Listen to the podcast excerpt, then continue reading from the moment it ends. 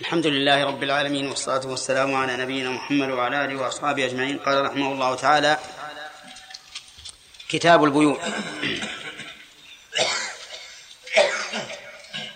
قال المؤلف كتاب لأن هذا مستقل عما سبق وهو من جنس آخر. لأن الأول كله في العبادات وهي معاملة الخالق عز وجل. وهذا في البيوع وهي معاملة الخلق. وبدأ العلماء في البيوع بعد العبادات لأنها أكثر متعلقا بالنسبة للبشر. وإلا فإن النكاح مثلا له علاقة بالمعاملة وعلاقة بالعبادة. لكن البيوع أكثر متعلقا بالنسبة للبشر لأن الإنسان يحتاج إليها في أكله وشربه ولباسه ومسكنه ومركوبه ومنكحه وغير ذلك. فهي أعم تعلقا ولهذا أعقبها أهل العلم جعلوها عقب العبادات. وقال المؤلف كتاب البيوع جمعها باعتبار أنواعها وإلا فإنها جمع بيع والبيع مصدر والمصدر لا يجمع. إلا إذا قصد به النوع. فإذا قصد به النوع جاز جمعه باعتبار أنواعه. والأصل في البيوع الحل لقول الله تعالى وأحل الله البيع. فكل صورة من صور البيع يدعى أنها حرام فعلى المدعي البينة. يعني الدليل. لأن الأصل هو الحل. وشرع الله البيع وأحله لعباده لدعاء الضرورة إليه أحيانا والحاجة إليه أحيانا والتنعم إليه أحيانا.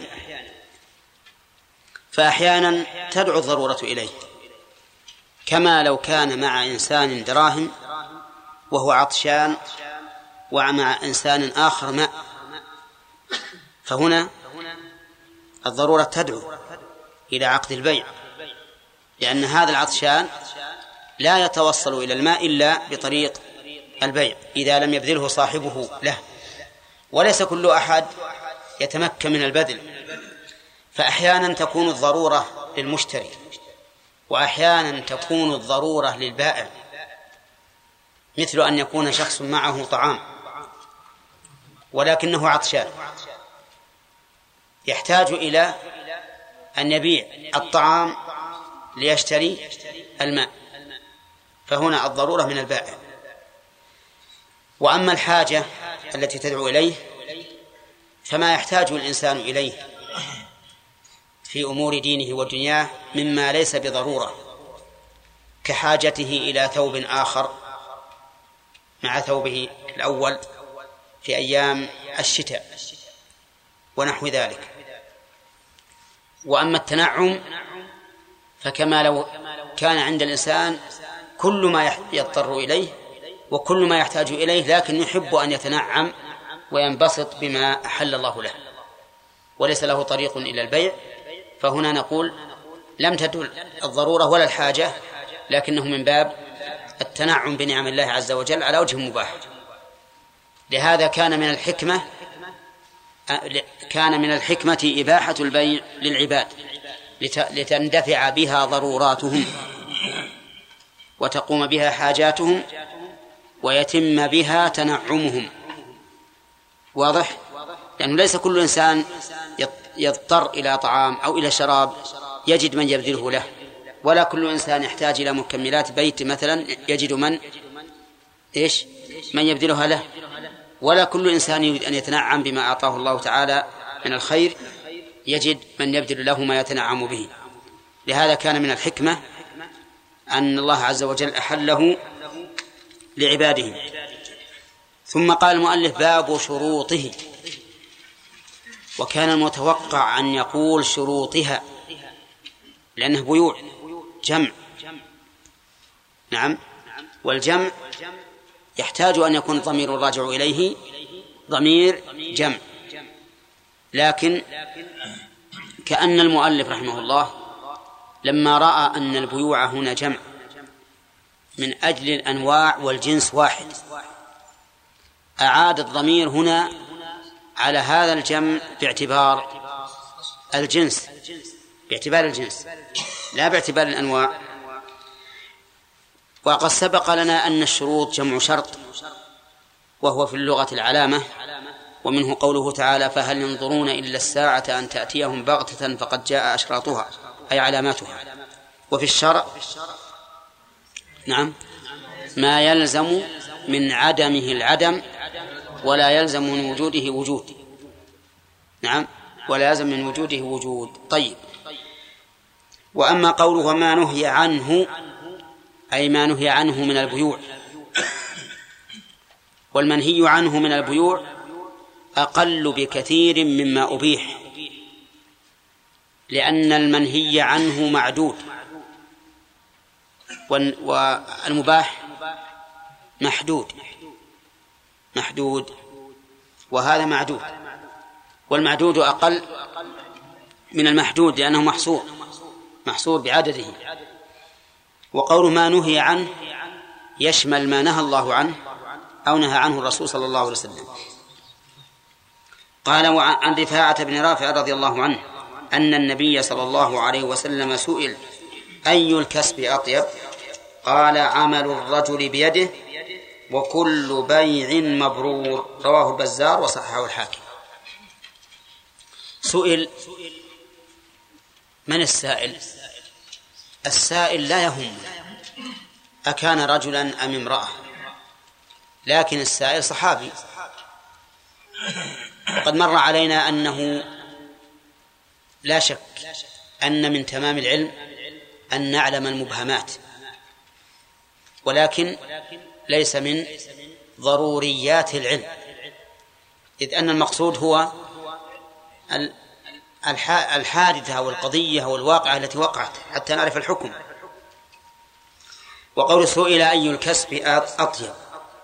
الكسب ما يكتسبه الإنسان ويربح فيه من تجارة أو إجارة أو شركة أو غير ذلك فهو شامل والإنسان قد يكسب الشيء بالبيع أو بالإجارة أو بالمشاركة أو بتملك المباحات كالصيد والحشيش ونحو ذلك. واضح؟ فأيها أطيب قال عمل الرجل بيده. عمل الرجل بيده هذا أطيب المكاسب. لماذا؟ لأن عمل الرجل بيده يكون في الغالب خاليا من الشبهات إذ أنه حصله بيده. مثل الاحتشاش. إنسان خرج إلى البر واحتش وأتى بالحشيش. خرج إلى البر واحتطب وأتى بالحطب. خرج إلى البر وافتقع افتقع يعني أتى بالفقع نعم أتى بالفقع الكمع. نعم وخرج إلى إلى البحر ها فاصطاد سمكا ما ما أدري نقول فالسمك ولا احتان ولا فصاد سمكا هذا عمله بيده ولا لا؟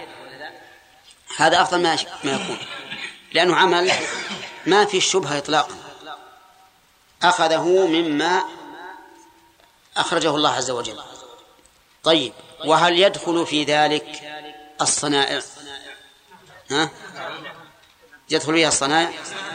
نعم قد نقول إنه يدخل فيها الصناعة وإن كان فيها ش... وإن كان في... النفس منها شيء في دخولها في الحديث لأن الصنائع كالبيع والشراء يكون فيها فيها غش ويكون فيها نسيان ويكون فيها غلط فيكون دخلها حينئذ فيه شيء من الشبهة. لكن ممكن أن ندخلها بالدف. على شرط أن يكون هذا الصانع العامل ناصحا. ناصحا في صنعته تماما. وإلا فما أكثر الذين يصنعون. ثم تكون صنعتهم من من أردأ الصنائع ويدخل عندهم في الغش أكثر مما يدخل في البيع والشراء. نعم. فيه جماعة بنوا جدارا لشخص. فقالوا من يذهب إلى صاحب الجدار يأتي بالأجرة؟ فقال بعضهم البعض من يمسك الجدار لا يسقط حتى نأخذ الأجرة. نعم. الجدار الآن جيد في في بنائه ولا لا؟ ها؟ ما هو جيد. يعني يبون يستمسك بس لين يأخذون الأجرة ويمشون. على كل حال الصنائع في الحقيقة قد تدخل في الحديث وقد لا تدخل. طيب الحراثة والزراعة. تدخل في الحديث من عمل الرجل بيده؟ نعم. لأن الغالب أن الحارث يخلص لنفسه. مثل ما يختار الحطب الجيد يبيعه بأكثر. هذا يخلص الحرث حرث الأرض والزرع الطيب والسقي فهو عمل بيده.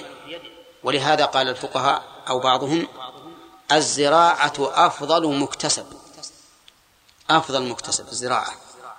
في الزراعة أيضا مصلحة أخرى وهي ما ينتفع بهذا الزرع من مخلوقات الله. ولا لا؟ الحشرات تنتفع النمل الذر الكلاب يعني الطيور كل شيء ينتفع. مما يمكن أن ينتفع بهذا الزرع. ففيه أيضا مصلحة. طيب. الثاني قال وكل بيع مبرور. الله أكبر. كل بيع مبرور. ما هو البيع المبرور؟ البيع المبرور بينته السنة. في قول الرسول عليه الصلاة والسلام إن صدقا وبينا بورك لهما في بيعهما. فالبيع المبرور ما كان مبنيا على الصدق والبيان. الصدق في الوصف والبيان في العيب يعني مثلا ما يقول لك هذا طيب وهو ردي نعم. ولا يكون هذا الشيء معيبا ثم يكتمه بل يبين. إن صدقا وبينا بورك لهما في بيعهم فهذا هو البيع المبرور. المبني على الصدق والبيان. هذا هو البيع المبرور. نزيد شيئا ثالثا. ووافق الشرع. ووافق الشرع. فإن خالف الشرع فهو وإن كان مبني على الصدق والبيان فليس بمبرور. لو باع على شخص ما يحرم بيعه وصدقه في وصفه وفي عيبه ما نقول هذا بيع مبرور. إذن ما وافق الشرع واشتمل على الصدق والبيان فهو البيع المبرور. عكس ذلك ما خالف الشرع كبيع المحرمات كالملاهي وغيرها أو ما كان مبنيا على الكذب كأن يقول هذه السلعة من أحسن ما يكون وهي من أردى ما يكون. نعم. أو على على كتم العيب. بأن تكون معيبة ويخفي عيبها. فهذا ليس بيعا مبرورا. وسمي الأول مبرورا لاشتماله على البر. اشتمالها على البر. والله سبحانه وتعالى يحب البر. بل قال تعاونوا على البر والتقوى. في هذا الحديث عدة فوائد. الفائدة الأولى حرص الصحابة رضي الله عنهم عن السؤال عن أفضل الأعمال. لقوله سئل أي الكسب أطيب. والصحابة رضي الله عنهم إذا سألوا عن الكمال لا يريدون مجرد العلم بالكمال لكنهم يطبقون ويعملون. ليسوا كحال أكثر الناس اليوم. يسأل عن الكمال وعن الأفضل ثم لا يعمل به. لا هم لا يسألون إلا من أجل أن يعملوا. وهذه صفة المؤمن وهؤلاء هم المؤمنون الذين إذا علموا الحق عملوا به. أما أن يعلموه ويجعلوه في صدورهم كنسخ من الكتب لا تتجاوز الصدور فهذا ليس من خصال المؤمنين وليس من صفاتهم. صفة المؤمن أنه متحرك عامل لا يتأخر. لما أمر النبي عليه الصلاة والسلام النساء بالصدقة وش سوى؟ ها؟ صارت المرأة تأخذ خرصة من أذنها وخاتمها من أصبعها وتلقيه في ثوب بلال. بدون تأخر وبدون تردد وبدون مشاورة أبدا. فهكذا ينبغي للمسلم بل يجب على المؤمن أن يكون هكذا. كلما علم شيئا أفضل عمل به ما استطاع. نسأل الله أن يجعلنا وإياكم ممن يستبقون الخيرات. نعم. إذن الصحابة رضي الله عنهم يسألون عن الأفضل لا من أجل أن يعلموا الأفضل ولكن من أجل أن يعلموا إيش؟ ويعملوا به ويطبقوا طيب. ومن فوائد الحديث أيضا أن المكاسب تختلف. فمنها الطيب والخبيث والأطيب. أليس كذلك؟ طيب.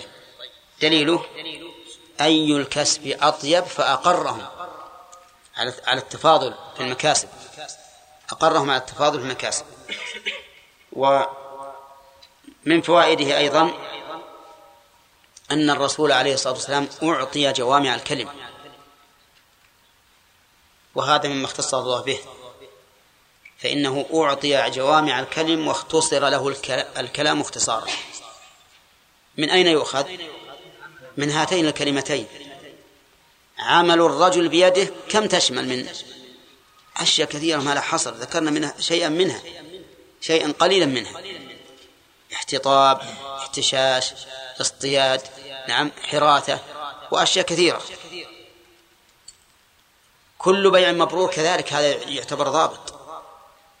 يدخل فيه أنواع كثيرة من البيع إذا اشتملت على الأوصاف الثلاثة وهي موافقة الشرع والصدق والبيان والصدق والبيان.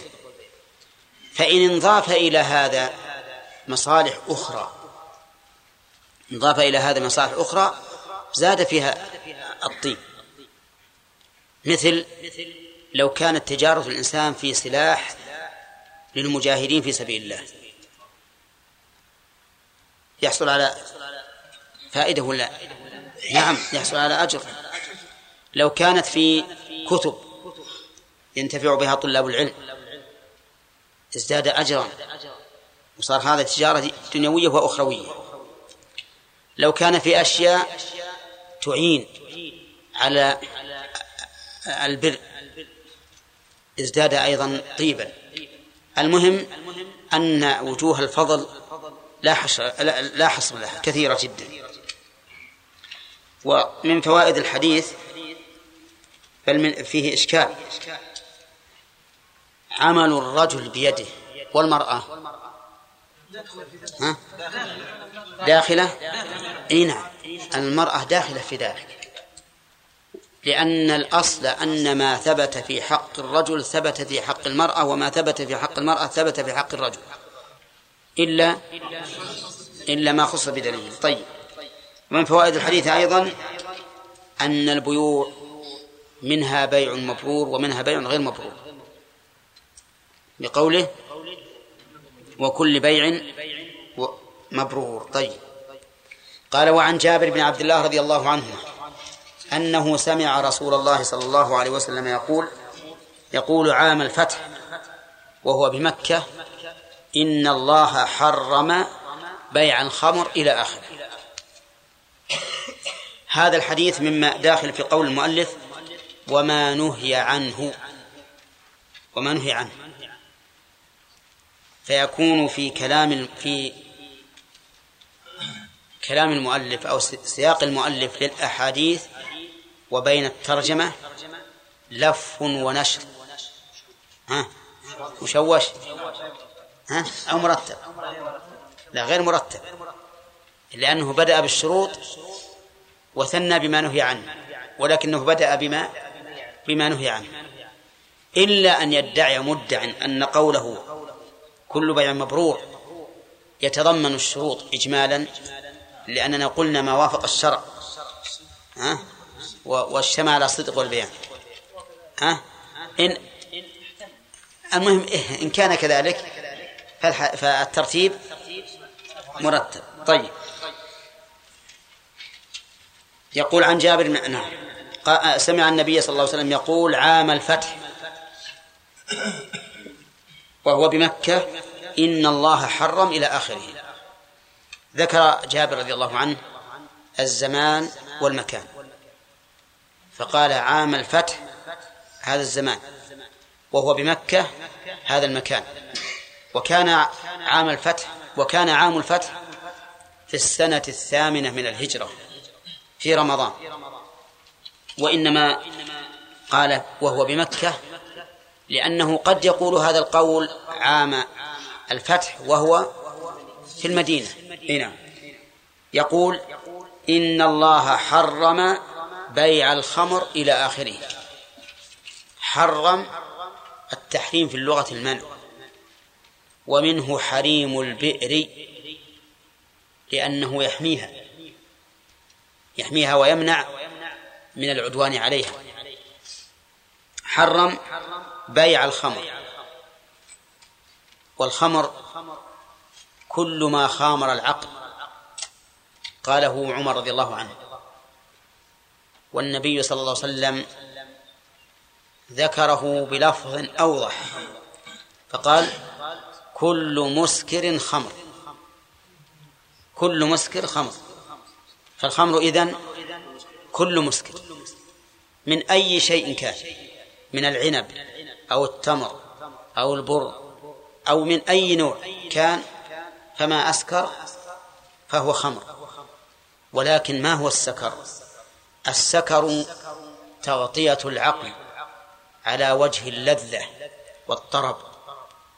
ليس تغطية العقل على وجه الخمول والغيبوبة لا بل على وجه اللذة والطرب. هذا المسكر فالإسكار لا يجعل الإنسان في غيبة لكن يجعله في نشوة وفرح كأنما يريد أن يطير لكنه ما ينضبط من شدة الفرح. وتعلمون أن الإنسان من شدة الفرح ربما يتكلم بكلام لا يمكن أن يتكلم به في حال في حال ركود الذهن. فها هو الرجل قال اللهم أنت عبدي وأنا ربك أخطأ من شدة الفرح.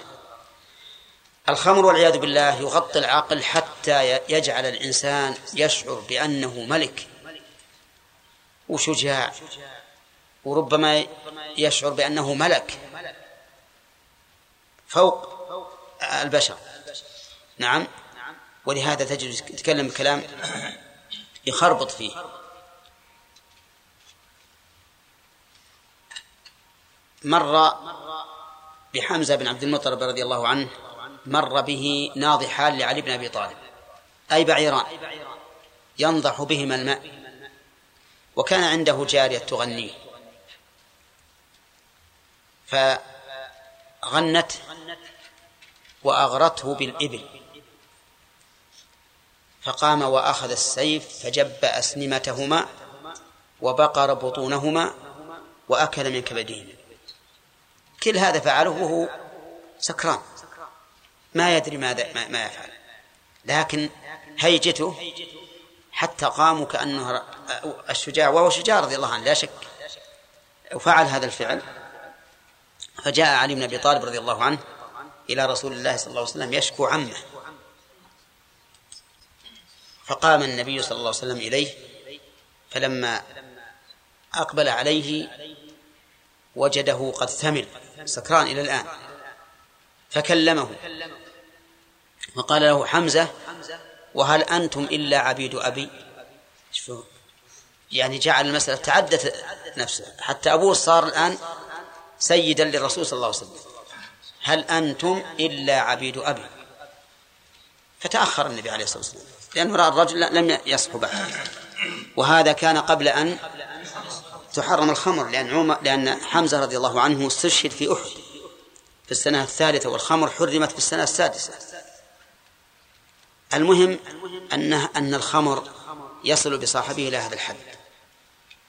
وله أحكام كثيرة مذكورة في الفقه لا نطيل بذكرها لكن لأجل مضرته العقلية والاجتماعية حرمه الشارع. حرمه الشارع.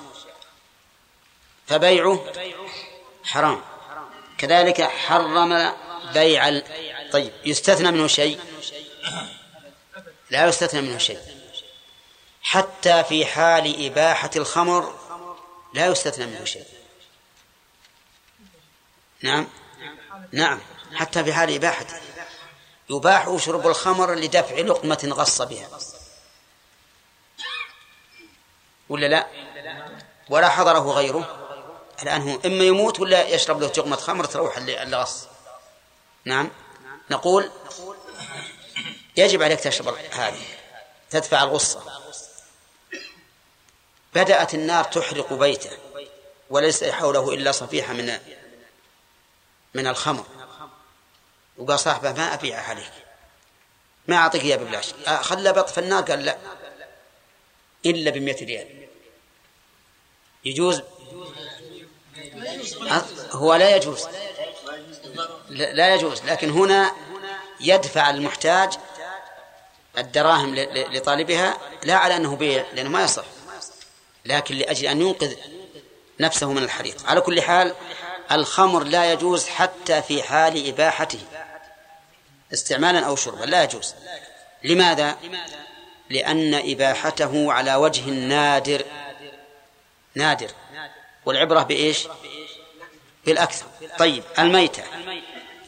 الميتة يقول حرم الرسول الرسول يقول حرم بيع الميتة. ما هي الميتة أولا؟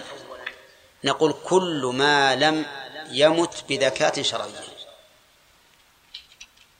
كل ما لم يمت بذكاة شرعية. هذا الضابط لا ينخرم. إيش قلنا؟ نعم. فشمل ما مات بغير ذكاة. أولى. طيب. وشمل ما مات بذكاة غير شرعية. إما لعدم أهلية المذكي أو لخلل في الذكاة. كذا؟ طيب. وشمل ما لا تبيحه الذكاة. كميتة الحمار. ولا لا؟ فشمل كم صورة؟ ثلاث صور. ما مات حتف أنف بدون ذكاة وما مات بذكاة غير شرعية وما لا تحله الذكاة وإن ذكي. فلو أن شخصا عنده حمار وأضجعه وقال بسم الله والله أكبر وذبحه وقطع الحلقوم والمري. وش يكون هذا؟ ما هو ذكاة؟ ما ما تنفع الذكاة. لأن الذكاة لا تبيحه. واضح؟ هذه هذه كلها حرام بيعها. يحرم بيعها. طيب. حتى في حال الحل. نعم. حتى في حال الحل. لو كان هذا الرجل مما يحل له أكل الميت للضرورة فلا يجوز أن أن يشتريها. لا يجوز. لكن إن لم يتوصل إياها إلا بدفع شيء فليدفع ويكون الإثم على البائع. وهذه صورة بيع وليست بيعا شرعا. هي صورة بيع وليست بيعا شرعا. طيب. هل الميتة هنا على العموم؟ الجواب لا. المراد بالميتة الميتة المحرمة. احترازا من الميتة الحلال. كميتة السمك والجراد. هذه يجوز بيعها لأنها حلال تؤكل بكل حال وبدون ضرورة. طيب هل يستثنى من الميتة شيء؟ سيأتي إن شاء الله في الفوائد أنه يستثنى شيء منها. نعم. الثاني قال الخنزير. الخنزير حيوان معروف. خبيث. يأكل الأنتان والعذرة. معروف بعدم الغيرة. ربما يمسك أنثاه لذكر آخر. للاستفادة ثم هو نفسه خبيث. لقوله تعالى فإنه فلا يحل بيعه حتى في الحال التي يباح أكله. نعم حتى في هذا الحال. لا يحل بيعه مطلقا. حتى في حال الضرورة إذا أبيح للإنسان أن يأكله لا يجوز بيعه. فإن اضطر إليه ولم يحصل عليه إلا بدفع عوض دفعه ولكنه ليس بيعا شرعيا. والأصنام الأصنام جمع صنم وهو ما عبد من دون الله. كالشجرة والحجر وغير ذلك. هذه لما يعني ليس لذاتها ولكن لما يراد بها من الشرك والشرك أعظم الذنوب. فلو كان الإنسان في مكان تعبد فيه شجرة معينة عندهم وجاء واحد يمشي بالسوق من يشتري هذا الصنم؟ من يشتري هذا الصنم؟ يجوز أن تشتريه؟ ها؟ لا يجوز. أبدا. اللهم إلا إذا لم تتوصل إلى إتلافه إلا بذلك فهذا جائز لكنه بيع صوري لأنه لا ثمن له شرعا. لا ثمن له شرعا. ومثل الصنم مثله أيضا التمثال الذي يعبد من دون الله.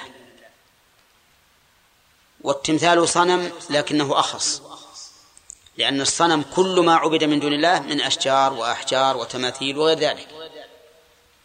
والتمثال ما صنع على هيئة معينة كأن يصنع على شكل عالم أو عابد أو سلطان أو ما أشبه ذلك. طيب فإن كان الشيء يعبد من دون الله وأكثر الناس لا يعبدونه كالبقرة. البقرة عند قوم تعبد تعبد من دون الله. نعم. من دون الله ولا مع الله؟ من دون الله. تعبد من دون الله. هل نقول إذا كنا في أرض يعبد يعبد أهلها البقر لا يجوز أن نبيع البقرة؟ ها؟ نعم يجوز. إلا من اشتراها لهذا الغرض. طيب. هذه أربعة أشياء الخمر والميتة والخنزير والأصنام. الحكمة من ذلك أما الخمر فلأنه مفسد للعقل مفسد للمجتمع. وأما الميتة والخنزير فلأنها طعام خبيث. لا ينال المرء منه إلا المضرة. والمرض. وأما الخنزير وأما الأصنام فلأنها مفسدة للأديان. فصارت الحكمة من تحريم بيع هذه الأشياء حماية العقول والأبدان والأديان. وإن شئت فقل والفطر. الفطر. وهذا يتحقق في الخنزير. تحريم بيع الخنزير. لأن الخنزير إذا كان كما يقولون ليس له غيرة ديوث فالذي يتغذى به يكون مثله. ولهذا نهى النبي صلى الله عليه وسلم عن كل ذي ناب من السباع وكل ذي مخلب من الطير. لئلا يتغذى بها الإنسان فيكتسب من سبوعيتها وعدوانها.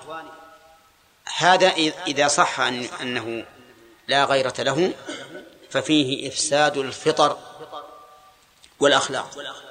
فيكون الحكمة من تحريم بيع هذه الأشياء أربعة أشياء. حماية العقول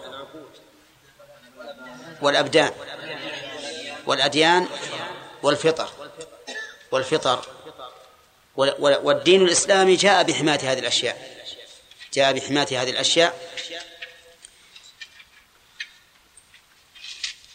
ولو شئنا لقلنا من مجموع هذه الأشياء يكون في ذلك حماية الأموال. حماية الأموال. كيف ذلك؟ لأن لأن بذل الأموال في مثل هذه الأشياء بذل بما لا فائدة فيه بل بما فيه مضرة. فيكون إضاعة للمال. يكون إضاعة للمال. كذا؟ إذن العقول والأديان والأبدان والفطر والأموال. كذا؟ خمسة. حماية لهذه الخمسة حرم الله عز وجل بيع هذه الأشياء. وإن كان فيها مكسب كما قال تعالى في الخمر وفيهما إثم كبير خمر وميسر قل فيهما إثم كبير ومنافع للناس. لكن إثمهما أعظم من منافعهما أكبر من من من نفعهما واضح والله عز وجل لا يمنع عباده الشيء إلا لأن ضرره أكثر وذلك لأن العطاء أحب إليه من المنع ورحمته سبقت غضبه نعم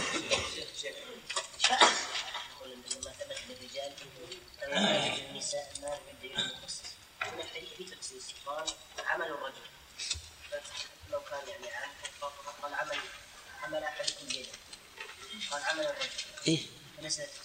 ما هو تخصيص. ما هو تخصيص. هذا لقب عمل الرجل فقط. والمرأة تعمل بيدها ما تطلع تغش ها؟ وتبتقع ولا لا؟ تتغزل نعم. طيب. نعم. طيب الغش يجري في كل شيء قلنا يعني البيع وهذا. ولكن الغش والصناعة حتى في الاحتطاب وحتى لا لا نفس الاحتطاب ما في غش.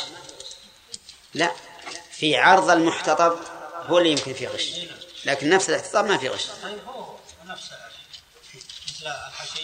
على كل حال ما هو مثل الصناعة لا شك. هو الصناعة مثل ما قلت لك تدخل بالدف لكن ما هو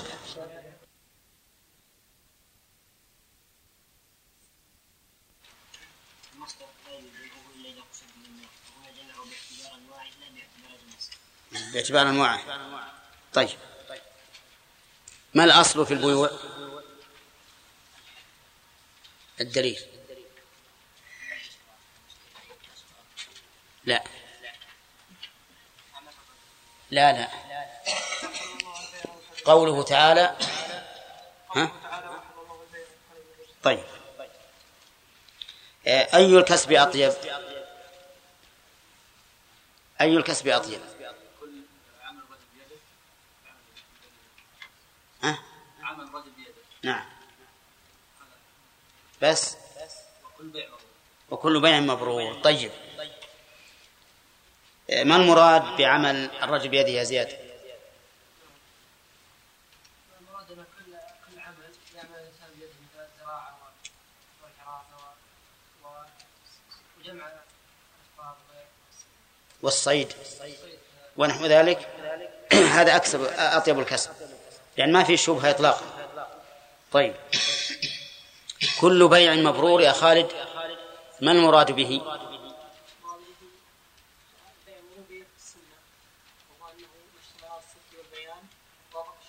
طيب. ما جمع كم وصفا؟ الصدق والبيان وموافقة الشرع. طيب. هل يدخل في ذلك الإجارة ونحوها يا عبد الرحمن؟ إيه. إيه نعم. الإجارة لأنها من البيع. إذ أنها بيع بيع المنافع فتدخل في الحديث. طيب قرأنا أول حديث جابر. ها؟ متى قال الرسول عليه الصلاة والسلام إن الله حرم بيع الخمر والميتة إلى آخره؟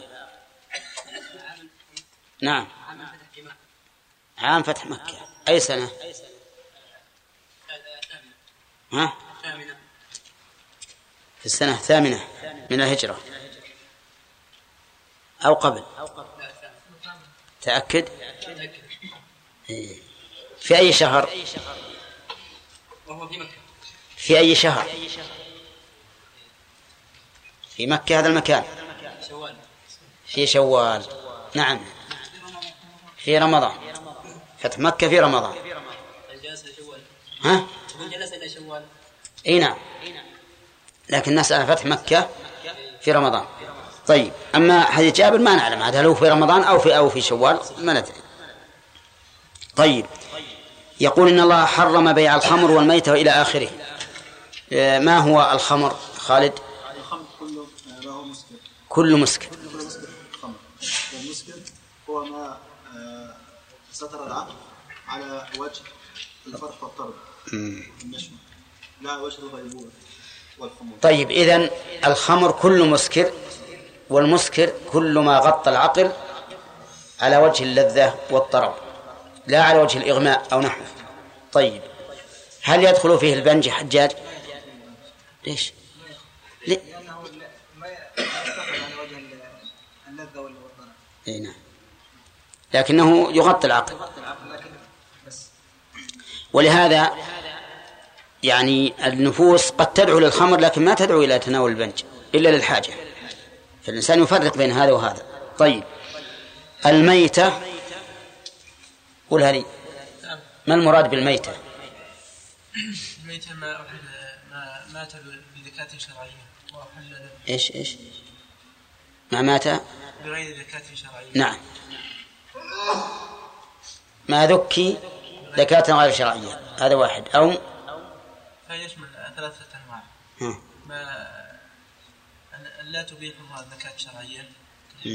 ما لا تبيح الزكاة كالحمار. بحتم أنفه. أو ما مات بغير ذكاة آه، ما مات بذكاة- ما ذكي. بذكاة شرعية. غير زكاة شرعية. لعدم أهلية المذكر يعني نقول ما ما مات بغير زكاة شرعية. سدى نعم. فيشمل؟ يشمل ما مات حتم أنفه. ما لا تحل الزكاة مثل طيب. وما مات حتف أنفه كالشاة تموت مثلا. والثالث؟ مات بغير ذكاة شرعية لعدم أهلية المذكر ما ذكي مهم ما مات ما ذكي. لأنك إذا قل- إذا قلت ما مات غير- بغير زكاة شرعية جاءت ثلاثة أقسام. ما ذكي زكاة غير شرعية. طيب مثل عدم أهلية المذكر أو نعم. خلل في الذكاء. أحسنت. إما لعدم أهلية المذكي كأن يذكيه من لا يصلي مثلا. أي نعم. أو لخلل في شرط الزكاة. ما يقول شيخ الذكاة شرعية لكن خلل في نفس المذكر لا لا ما تكون شرعية. إذا كان في خلل نفس المذكي ما تكون شرعية. طيب ال- الخنزير حيوان معروف. له خصائص. خصائص منها سفيان. يأكل ال- أن يأكل العذرة نعم. وهو يعني ليست له غيرة ودينه نعم. وإذا تغذى به الإنسان فإنه يكتسب من أخلاقه. طيب. الأصنام. الأصنام يا أخ. اللي وراك يا عبد الله. ها. كل ما يعبد من دون الله. طيب.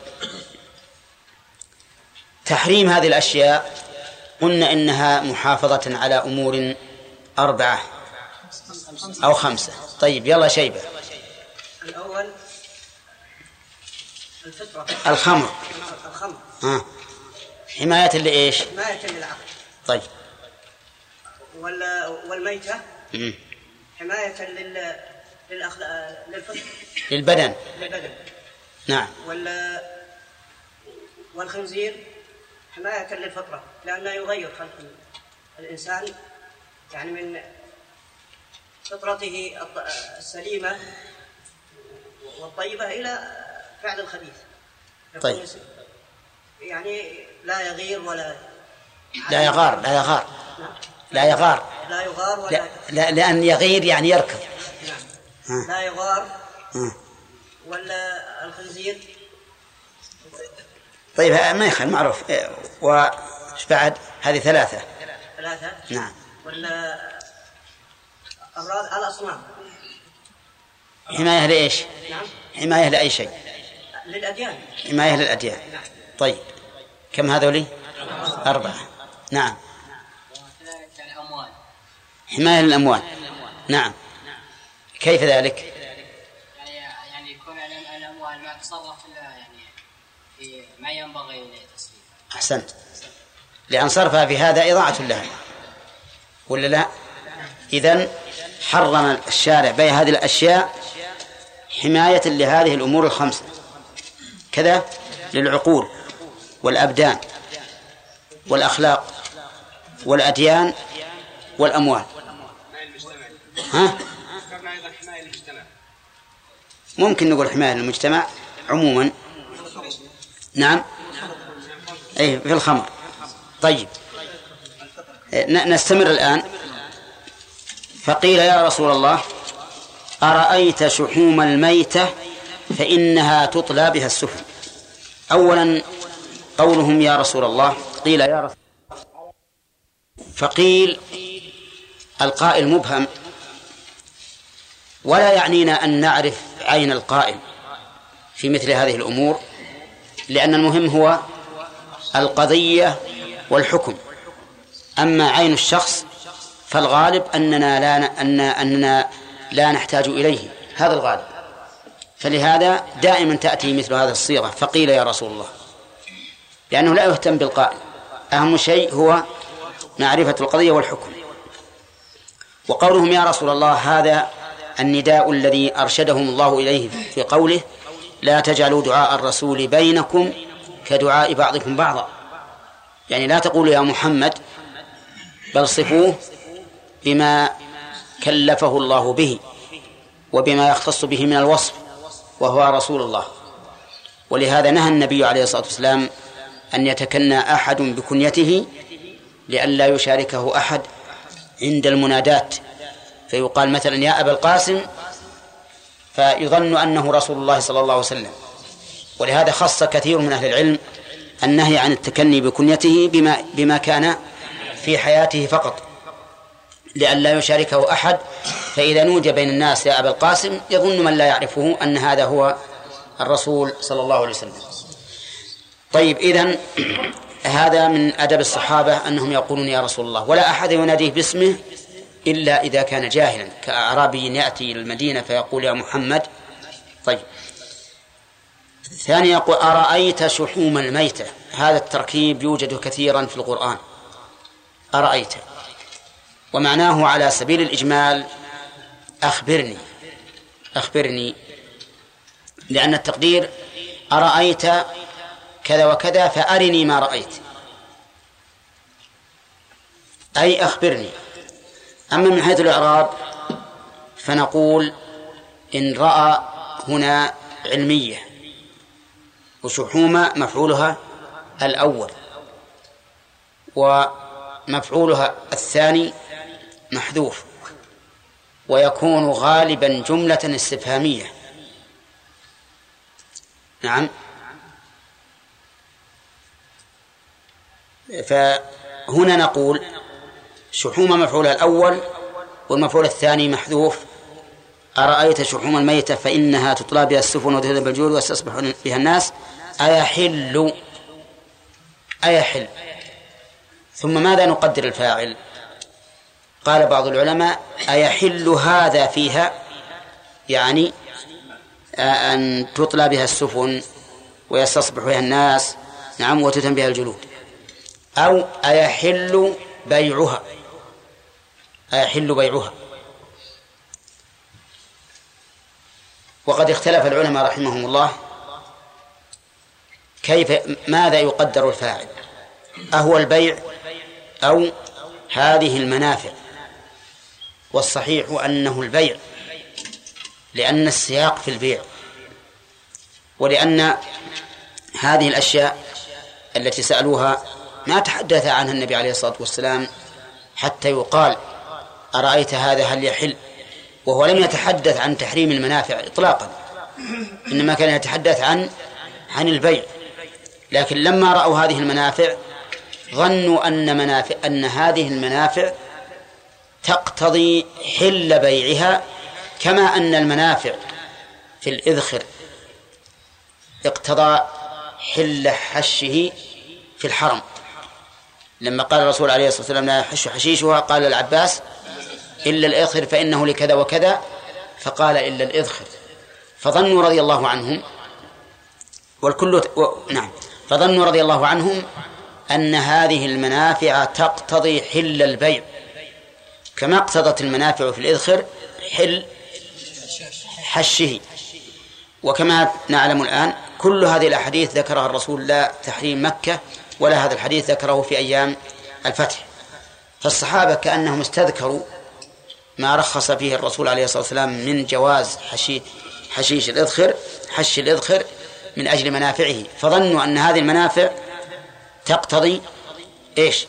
حل البيع وأن يكون هذا مخصصا لعموم تحريم الميتة.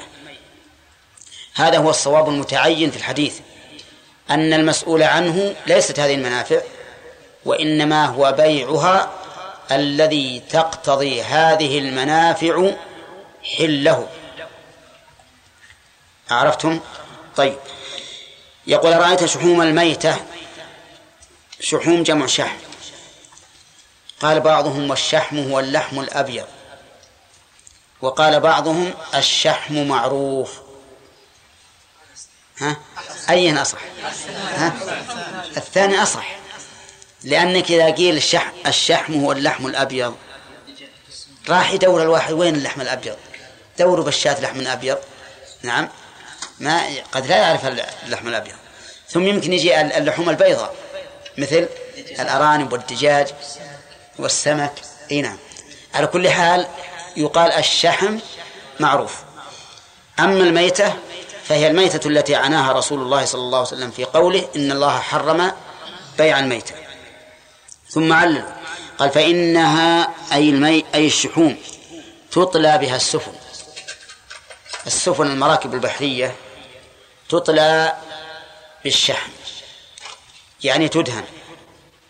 لماذا؟ من أجل أن لا يتشرب الخشب الماء. لأن الخشب إذا تشرب الماء ثقل وغرقت السفينة. وإذا كان على جدران السفينة هذا الطلاء من الشحم منع أن منع تشرب الخشب للماء. فتبقى السفينة محمية بهذا الطلاء من أن تتشرب الماء. قال وتدهن بها الجلود. أي جلود؟ لا. الجلود التي تدبى لأن الدهن يلينها. لأن الدهن يلينها. طيب. قال ويستصبح بها الناس. يستصبح يعني يجعلونها مصابيح. مصابيح يعني سرجا كيف ذلك؟ يضعون في الشحم إذا ذوبوه يضعون فيه فتيلة خرقة ثم يشبون في رأسه ثم آه، تأخذ بالإضاءة ما دام هذا الشحم أو الدهن باقيا. وهذا نسمع الناس يتحدثون عنه وإن كنا ما أدركناه لكنه إلى عهد قريب. والناس يستعملونه. نعم. حتى إنه في بعض الوصايا عندنا أوصى بأن يوقد سراج المسجد ولو وصل الصاع ريالا صاع الودك. نعم ريالا. لأن في ذلك الوقت الريال عندهم ها؟ عن أكثر من مئة ريال. كثير جدا. على كل حال هذا الاستصباح يعني يوضع الشحم المذوب في إناء ويوضع فيه فتيلة وتعلى وتشب فيها النار في رأسها وتكون مصباحا. فقال النبي صلى الله عليه وسلم لا. لا يعني لا يحل. لأن السؤال عن الحل. وما الذي لا يحل؟ قلنا فيها قولان لأهل العلم. قول لا يحل هذا العمل. طلج السفن والاستصباح ودهن الجلود. وقيل بل البيع وهو الصواب. بل إن السياق يعينه. سياق الحديث. ثم قال هو حرام أي البيع. لماذا يكون حراما؟ بيع الميتة؟ لأن الميتة حرام. لأن الميتة حرام وجواز بيعها لهذه الأغراض يستلزم تداولها بين الناس تداولها بين الناس والاستهانة بها. لأنه كما يقال إذا كثر الإمساس قل الإحساس. طيب. ثم قال ثم قال رسول الله صلى الله عليه وسلم عند ذلك قاتل الله اليهود. قاتل بمعنى أهلك. وقيل بمعنى لعن واللعن هو الطرد والإبعاد عن رحمة الله. وكون المقاتلة بمعنى اللعن هذا بعيد من الاشتقاق لأن قاتل مشتقة منين؟ من قتل من قتل. وليس فيها شيء من حروف اللعن إلا اللام وليس بينها اشتقاق لا أكبر ولا أصغر ولا أوسط. ولكن نقول إن معنى قاتل أهلك لأن من قاتل الله أو من قتله الله فهو فهو هالك قطعا. فيكون الدعاء بالمقاتلة أي قتال الله لهؤلاء معناه الدعاء بالهلاك. وهذا هو المناسب للمادة لمادة هذه الكلمة. وإن كان كثير من المفسرين يفسرون القتال أو القتل باللعن كقوله تعالى قتل الخلاصون أي لعنوا. نعم. لكن الأظهر أن أن المراد بالمقاتلة الإهلاك لأن تفسير الشيء بما يطابق مادته أولى من تفسيره بأمر بعيد. طيب. ثم قال قاتل الله اليهود. اليهود هم الذين يدعون أنهم يتبعون موسى عليه الصلاة والسلام وهم من بني إسرائيل. ولكن لماذا وصفوا أو لقبوا بهذا اللقب؟ قيل إنه نسبة إلى أبيهم جدهم يهوذا أحد أبناء يعقوب. وأنه مع التعريب تحول إلى يهود بالدال. وقيل إنه من هاد يهود لقولهم إنا هدنا إليك أي رجعنا أي رجعنا. وعلى كل حال سواء هذا أو هذا فإن اليهود معروفون بالمكر والخداع كما فعلوا في في الحيتان حين حرم عليهم صيد السمك في يوم السبت فابتلاهم الله عز وجل. وصارت الحيتان تأتي يوم السبت على ظاهر الماء شرعا وفي غير يوم السبت لا تأتيهم فتحيلوا. ووضعوا شبكا في يوم الجمعة. فيأتي الحيتان يوم السبت ويدخل في الشبك. ثم إذا كان يوم الأحد جاءوا وأخذوه وقالوا نحن ما صدنا يوم السبت. فعاقبهم الله تعالى عقوبة تناسب ذنبهم. قلبهم الله قردة. لأن لأن القردة أقرب ما يكون إلى الإنسان. كما أن عملهم هذا قريب من الصحة. يعني ظاهره أنه ليس فيه صيد. هذا الإنس... هذا القرد قريب من الإنسان. صورة صورة إنسان لكنه لكن معناه ها؟ حيوان. طيب إذن المهم اليهود لما حرم الله عليهم شحو عليهم شحومها. وفي لفظ الشحوم. والشحوم أعم.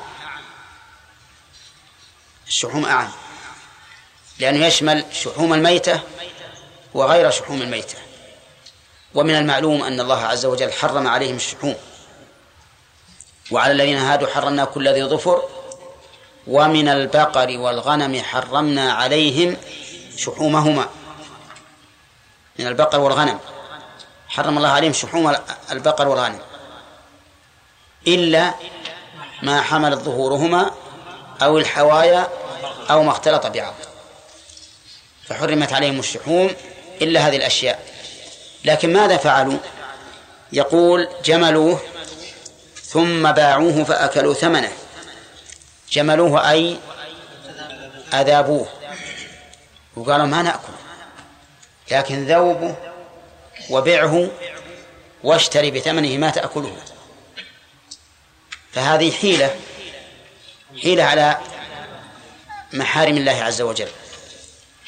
وقاتل ودعا عليهم النبي عليه الصلاة والسلام بأن الله يقاتلهم تحذيرا من فعلهم وتنفيرا عنه. لأن من فعل كفعلهم استحق ما يستحقون. إذ أن البشر عند الله على حد سواء. إن أكرمكم عند الله أتقاكم. فالعاصي من هذه الأمة بما عصت به بنو إسرائيل يوشك أن يلحقه من العقوبة ما لحق بني بني إسرائيل. هذا الحديث كما نشاهد فيه فوائد كثيرة. منها أولا حرص النبي صلى الله عليه وسلم على إبلاغ الأمة في المناسبات. فإن الرسول في فتح مكة عليه الصلاة والسلام أرشد الأمة إلى أحكام كثيرة تتعلق بمكة وإلى أحكام كثيرة كان المشركون قد تعلقوا بها. ففيه مراعاة المناسبات في الخطب والتوجيهات والمواعظ. ويتفرع على هذا أنه ينبغي للداعية والخطيب أن يتحرى المناسبات اقتداء برسول الله صلى الله عليه وسلم. ومن فوائد هذا أي مراعاة المناسبات أن الشيء إذا جاء والناس يتشوفون إليه كان أوقع في نفوسهم وأشد تأثيرا. ولهذا لو أن أحدا في هذا اليوم قام يخطب الناس أو يعظ الناس فيما يتعلق بالصيام أو بالحج. هل يكون له تأثير كما لو فعل ذلك في أيام الصيام أو الحج؟ ها؟ الجواب لا. لا يكون له تأثير. وإنما كل شيء في مناسبته له تأثير أكثر وأبلغ. ومن فوائد هذا الحديث عظم هذا هذا البيع الذي بين الرسول عليه الصلاة والسلام تحريمه. ومن أين يؤخذ يا محمد؟ إبراهيم. إن الله ورسوله إن الله ورسوله حرم ما عندنا ورسوله. إن الله إن الله حرم بيع الخمر. نعم. نسبة التحريم إلى الله يدل على العناية به لأن نسبة التحريم إلى الله أشد وقعا على المؤمن مما لو قيل لا تفعل كذا.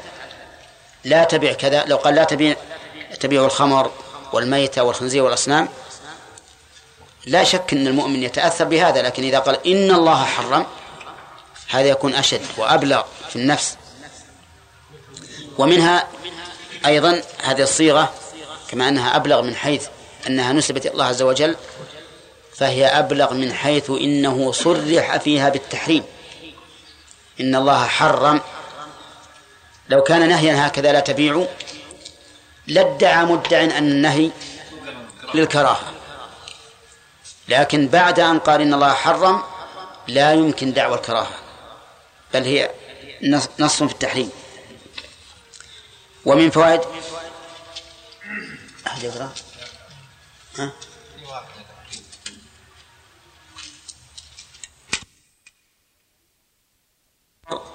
والميتة والخنزير والأصنام. ومن فوائده تحريم هذه الأشياء الأربعة. لأن ما حرم بيعه فهو محرم. إذ لو كان حلالا ما حرم بيعه. ولهذا قال النبي عليه الصلاة والسلام إن الله إذا حرم شيئا حرم ثمنه. إن الله إذا حرم شيئا حرم ثمنه. أي ثمنه المقابل لهذا الشيء المحرم. انتبهوا لهذا الشرط أو القيد. إذا حرم شيئا حرم ثمنه أي ثمنه المقابل لهذا الشيء المحرم. لأجل أن لا يرد علينا أن الحمار حرام وبيعه. لا بيعه حلال بالإجماع. نعم. لكن لو اشترى الحمار ليأكله صار حراما. ولهذا نقول إن الله إذا حرم شيئا حرم ثمنه إذا كان الثمن إيه؟ مقابل هذا الشيء المحرم. طيب من فوائد الحديث حرص الشر على حماية العقول والأبدان والأخلاق والأديان والأموال وكما قال بعض الإخوان الفرد والمجتمع. الفرد والمجتمع لأن هذه الأشياء حرام حتى وإن لم يكن في المكان إلا رجل واحد. فهي حرام. طيب. وظاهر الحديث أن الخمر بيعه حرام مطلقا. فهل يستثنى من ذلك شيء؟ الجواب لا. لا يستثنى من ذلك شيء. حتى وإن كان بيع خمر من مسلم لكافر فإنه لا يجوز. طيب من كافر لمسلم؟ ها؟ من باب أولى. من كافر لكافر؟ يصح بناء على ما يعتقدونه. ولهذا لما ذكر لأمير المؤمنين عمر بن الخطاب رضي الله عنه أنهم كانوا يأخذون الخراج من الخمر. ثم يبيعونه عليهم. نهاهم عن ذلك. وقال ولوهم بيعها وخذوا أثمانها. ولوهم بيعها خلوهم يبيعون وخذوا أثمانها. وهذا يدل على أن بيعها بيعها صحيح. ولولا ذلك ما صح أن نأخذ ثمنه لأن ثمن ما كان بيعه محرما محرم. وفيه أي في قول عمر رضي الله عنه هذا فائدة عظيمة.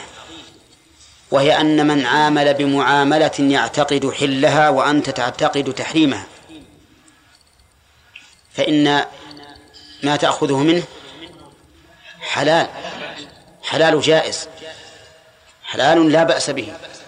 لو اشترى شيئا تعتقد أن هذا الشراء حرام وأن وأن الملك لم ينتقل به. يجوز أن تشتريه منه أنت. لماذا؟ لأنه يعتقد حله يعتقد حله. ف وهكذا كل الأشياء الخلافية إذا ور إذا وقعت ممن يعتقد حلها وليس هناك نص في التحريم بحيث لا نرخ بحيث لا يسوغ له أن يجتهد فإنه فإن كل إنسان يعامل بما يقتضيه رأيه. مثلا لو وجدنا واحد يشرب الدخان وهو يعتقد حل شرب الدخان. فلا يسوغ لي أن أنكر عليه. ما دمت أعتقد ما دمت ما دام يعتقد أنه حلال. لو رأيت رجلا أكل لحم إبل وملأ بطنه ثم قام يصلي بلا وضوء وهو يعتقد أنه لا يجب الوضوء من لحم الإبل هل أنكر عليه؟ لا ما أنكر عليه. والصلاة بغير وضوء أعظم من شرب الدخان. أليس كذلك؟ أعظم بكثير. حتى أن أبا حنيفة رحمه الله في مذهبه أن من صلى محدثا فهو كافر لأنه مستهزئ بآيات الله. ومع ذلك إذا كان هو يرى أن لا أنه لا أنه لا ينقض الوضوء ما أنكر عليه. وآثر عمر هذا رضي الله عنه هو هو الأصل في هذا. قال ولوهم بيعها وخذوا أثمانها.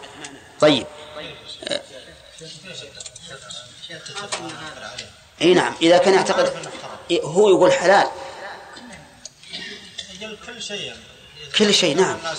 كل شيء يعتقد الإنسان أنه حلال وأنا أرى أنه حرام ماذا أنكر عليه؟ إلا شيئا يخالف النص بحيث لا يسوغ له ان يجتهد. والله صل على ما يسوغ ان يجتهد كيف يا شيخ؟ المقصود يعني. ها؟ كيف المقصود؟ إحنا الآن مش يعني المقصود أقول كل شيء فيه خلاف. ترى أنت أنه حرام وصاحب والثاني يرى أنه حرام. لا تنكر عليه. ولا يحل ولا يحق لك أن تنكر عليه. لأنه يعتقد لأنه يعتقد أنه حلال. إلا شيئا يخالف النص بحيث لا يسوغ له الاجتهاد فيه فهذا لا شك أنه يجب عليك أن تنكر. يجب عليك أن تنكر تقول تعال مالك اصبر. ما لك حق تعارض النص. نعم. قلت لكم ضربت مثلا توافقون عليه ولا في إشكال عندكم أكلت لحما أنا ورجل من الشافعية. مذهبه مذهب الشافعي مثلا. لا يرى أن لحم الإبل ينقض الوضوء وأكلنا اللحم. ثم قمنا نصلي. أنا توضأت لأني أرى وجوب الوضوء من لحم الإبل وهو لم يتوضأ. فهل أقول له اتق الله يا أخي هذا حرام عليك؟ وأنكر عليه؟ طيب. ما رأيكم في من يصلي بغير وضوء؟ هل ينكر عليه ولا ما ينكر؟ ينكر عليه. لماذا لا أنكر على هذا؟ لأنه يعتقد أنه على على وضوء. وأنه ليس حراما عليه أن يصلي الآن. نفس الأشياء نفس الأشياء الأخرى.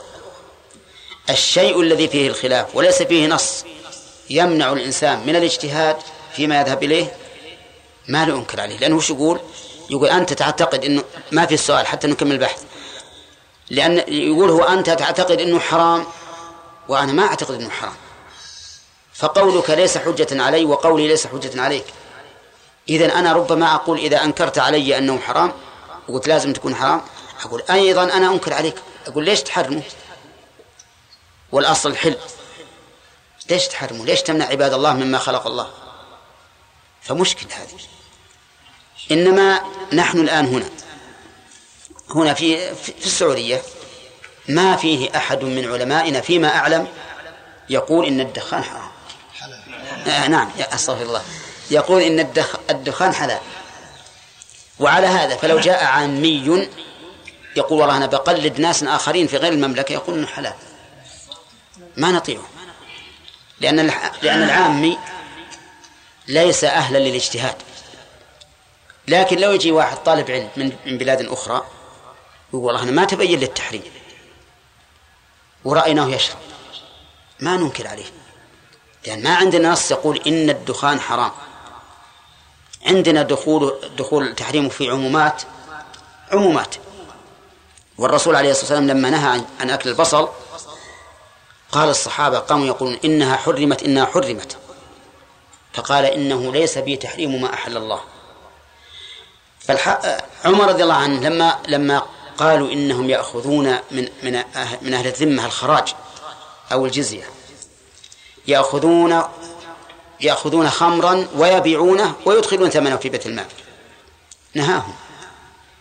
قال ولوهم بيعها وخذوا أثمانها. بيع الخمر بالنسبة للمسلمين بالنسبة للذميين حلال. خلهم يبيعون يبيعون الخمر لأنهم يعتقدون حلها وخذوا أثمانها منهم. مع أني الآن أعلم أن هذا الرجل باع الخمر وأخذت الثمن ثمن الخمر وجعلته في بيت المال. واضح الآن؟ طيب. شيخ نعم. شيخ لا ال- الآن الخمر ليس حلال لهم لكن هم يعني تركوا شرع الله سبحانه وتعالى وفعلوه بمقتضى عقولهم حتى هم يعني لا يعتقدون في أنه حلال من الله ولكن هم يحللون بأنفسهم يتبعا لهواهم وليس عندهم هذا.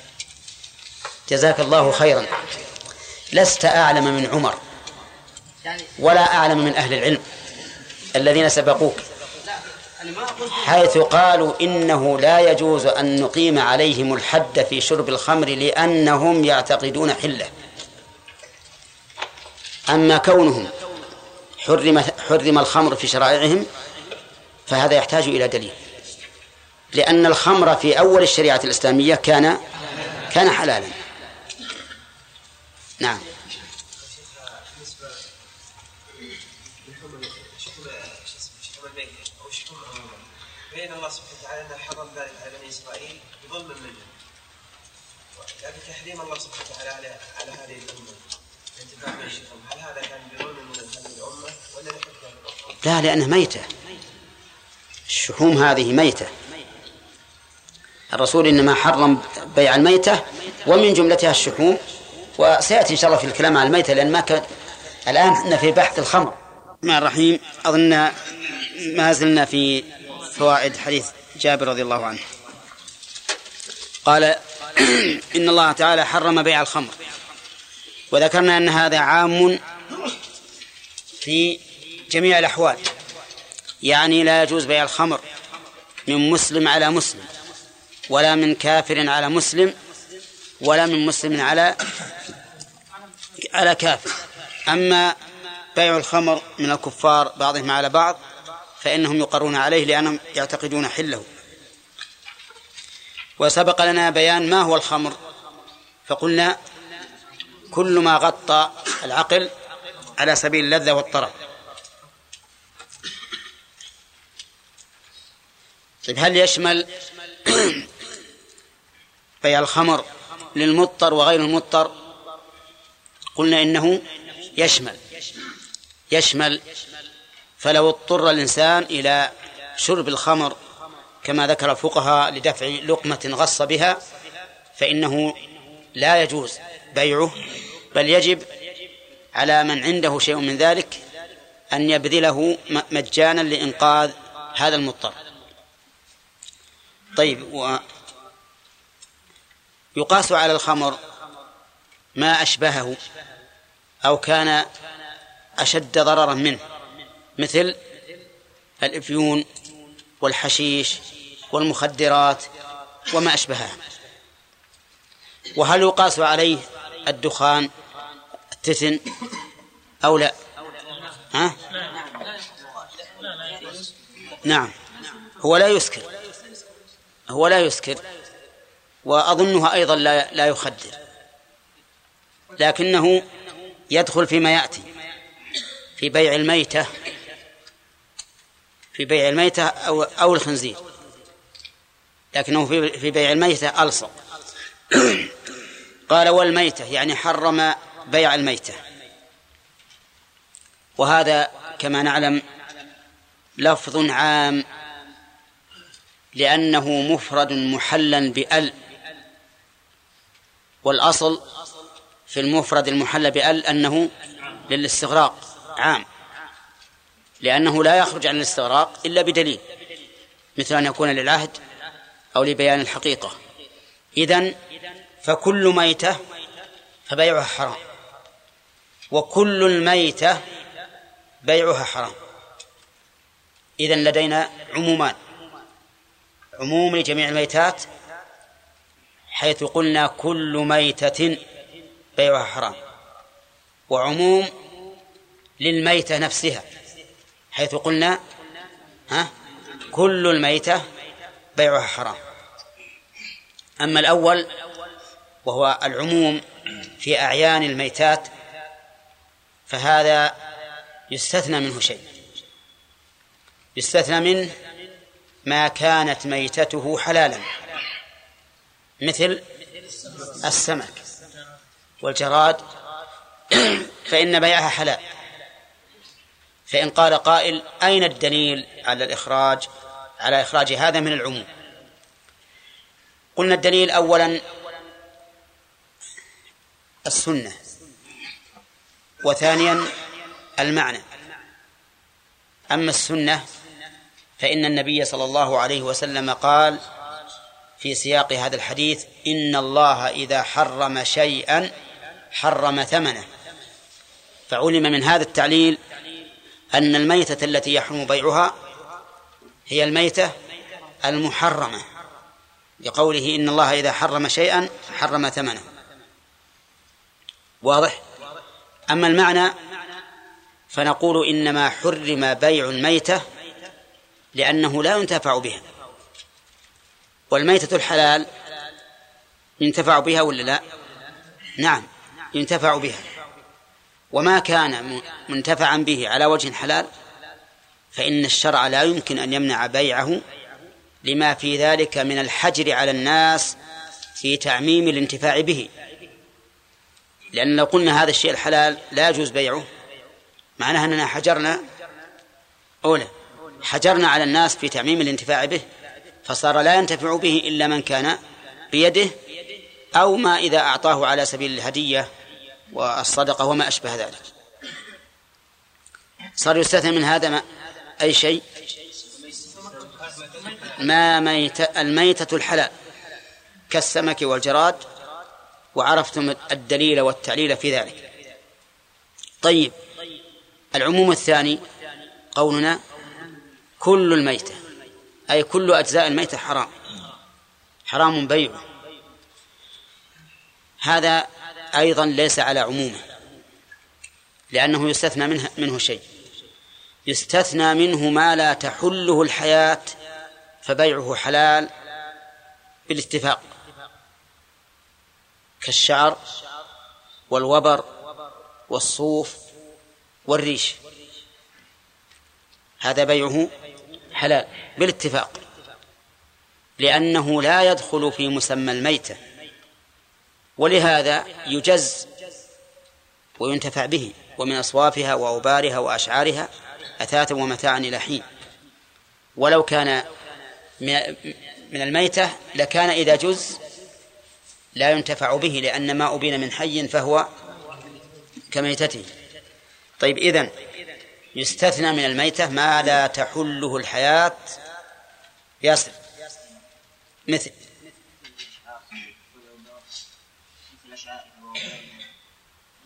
أصبر. إحنا عددنا أربعة. ها. نعم. عددنا أربعة. بارك الله فيك. لا تظلمنا. جزاك الله خير. إذا نسيت. لا. الله أكبر. أما تنكر ما قلنا ولا تدخل ما لم نقل؟ أصوافها. أصوافها. ها؟ طيب هذه الأربعة وش الفرق بينها يا نصر؟ ما الفرق بينها؟ سبحان نعم. الصوف للضأن والوبر للإبل والوبر للإبل. للماعز والبقر. نعم. والريش للطير. للطير مفهوم؟ إي نعم. الصوف للظأن والوبر للإبل والشعر للبقر والظأن والريش للطائر. نعم. للطير. إي نعم. الظأن له الصوف لا لا قلنا البقر والمعز البقر والمعز طيب إذن فهمنا ال- ال- ال- الأربعة. هذا هذه يجوز بيعها فإذا ماتت البهيمة مثلا وجز الإنسان صوفها أو شعرها أو وبرها فله فله بيعها وكذلك لو قص ريشها فله بيعها بالاتفاق. لأن الحياة لا تحله. طيب. هل تباع الأظلاف أو لا؟ أظلاف ال- البهيمة التي بمنزلة الأظفار للإنسان. نعم. طيب هل تحلها الحياة؟ الظاهر أنها من جنس من جنس ال- الظفر. من جنس الظفر. بعضها تحله الحياة وتتألم به وبعضها لا. فما لا تحله الحياة؟ كالظفر فإنه فإنه يجوز بيعه. إن انتفع به وإن لم ينتفع به منع من بيعه لا لأنه جزء ميتة ولكن لأن في بذل المال فيه إضاعة للمال. طيب. عظام الميتة عظام الميتة هل يحل بيعها؟ لا لأنه داخل في عموم قوله الميتة. واختار شيخ الإسلام رحمه الله جواز بيع العظام. معللا ذلك بأن الحياة لا تحل العظم. لأنه ما فيه دم. ومدار تحريم الميتة على الدم. ولهذا إذا كان الحيوان مما لا دم فيه كانت ميتته لا طاهرة. قولوا قولوا طاهرة. لا تقولوا حلالا لأن هذه مشكلة لو قلت حلال. إنما قولوا هي طاهرة. ما ما ما ليس فيه دم فإن ميتته طاهرة. قال إذن فالعظام طاهرة وإذا كانت طاهرة جاز بيعها. لكن جمهور أهل العلم على خلاف قوله وهو الأقرب من لفظ الحديث. لأن الميتة في الواقع إذا قيل ميتة فلا يتبادر إلى الذهن إلا أنه لفظ شامل لكل الميتة. وقول شيخ الإسلام إن الرسول صلى الله عليه وسلم قال إنما حرم من الميتة أكلها. والعظام لا تؤكل. جوابه أن يقال بل قد بل قد تؤكل. قد تؤكل. نعم طيب. هل هل يشمل هذا الجلد جلد الميتة أو لا؟ نقول الحديث يشمله لأن الجلد جزء من الميتة تحله الحياة. إذن فلا يجوز بيع جلد الميتة وإن سلخ. وإن سلخ وانفصل منها. لأنه جزء منها فكما لا يجوز أن أبيع يدها أو رجلها إذا قطعتها إذا قطعتها فلا يجوز أن أبيع جلدها إذا سلخته. واضح؟ طيب.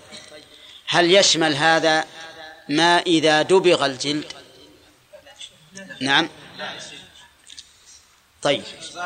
يقول بعض العلماء إنه يشمل ما إذا دبغ وهذا مبني على أنه لا يطهر بالدباغ وعلى أنه لا ينتفع به إلا في الشيء اليابس.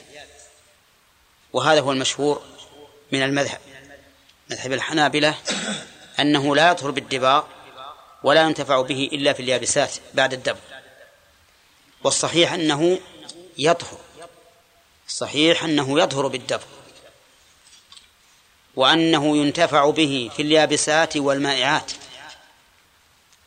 لأن النبي صلى الله عليه وسلم مر بشاة يجرونها ميتة فقال هل أخذتم إهابها فانتفعتم به؟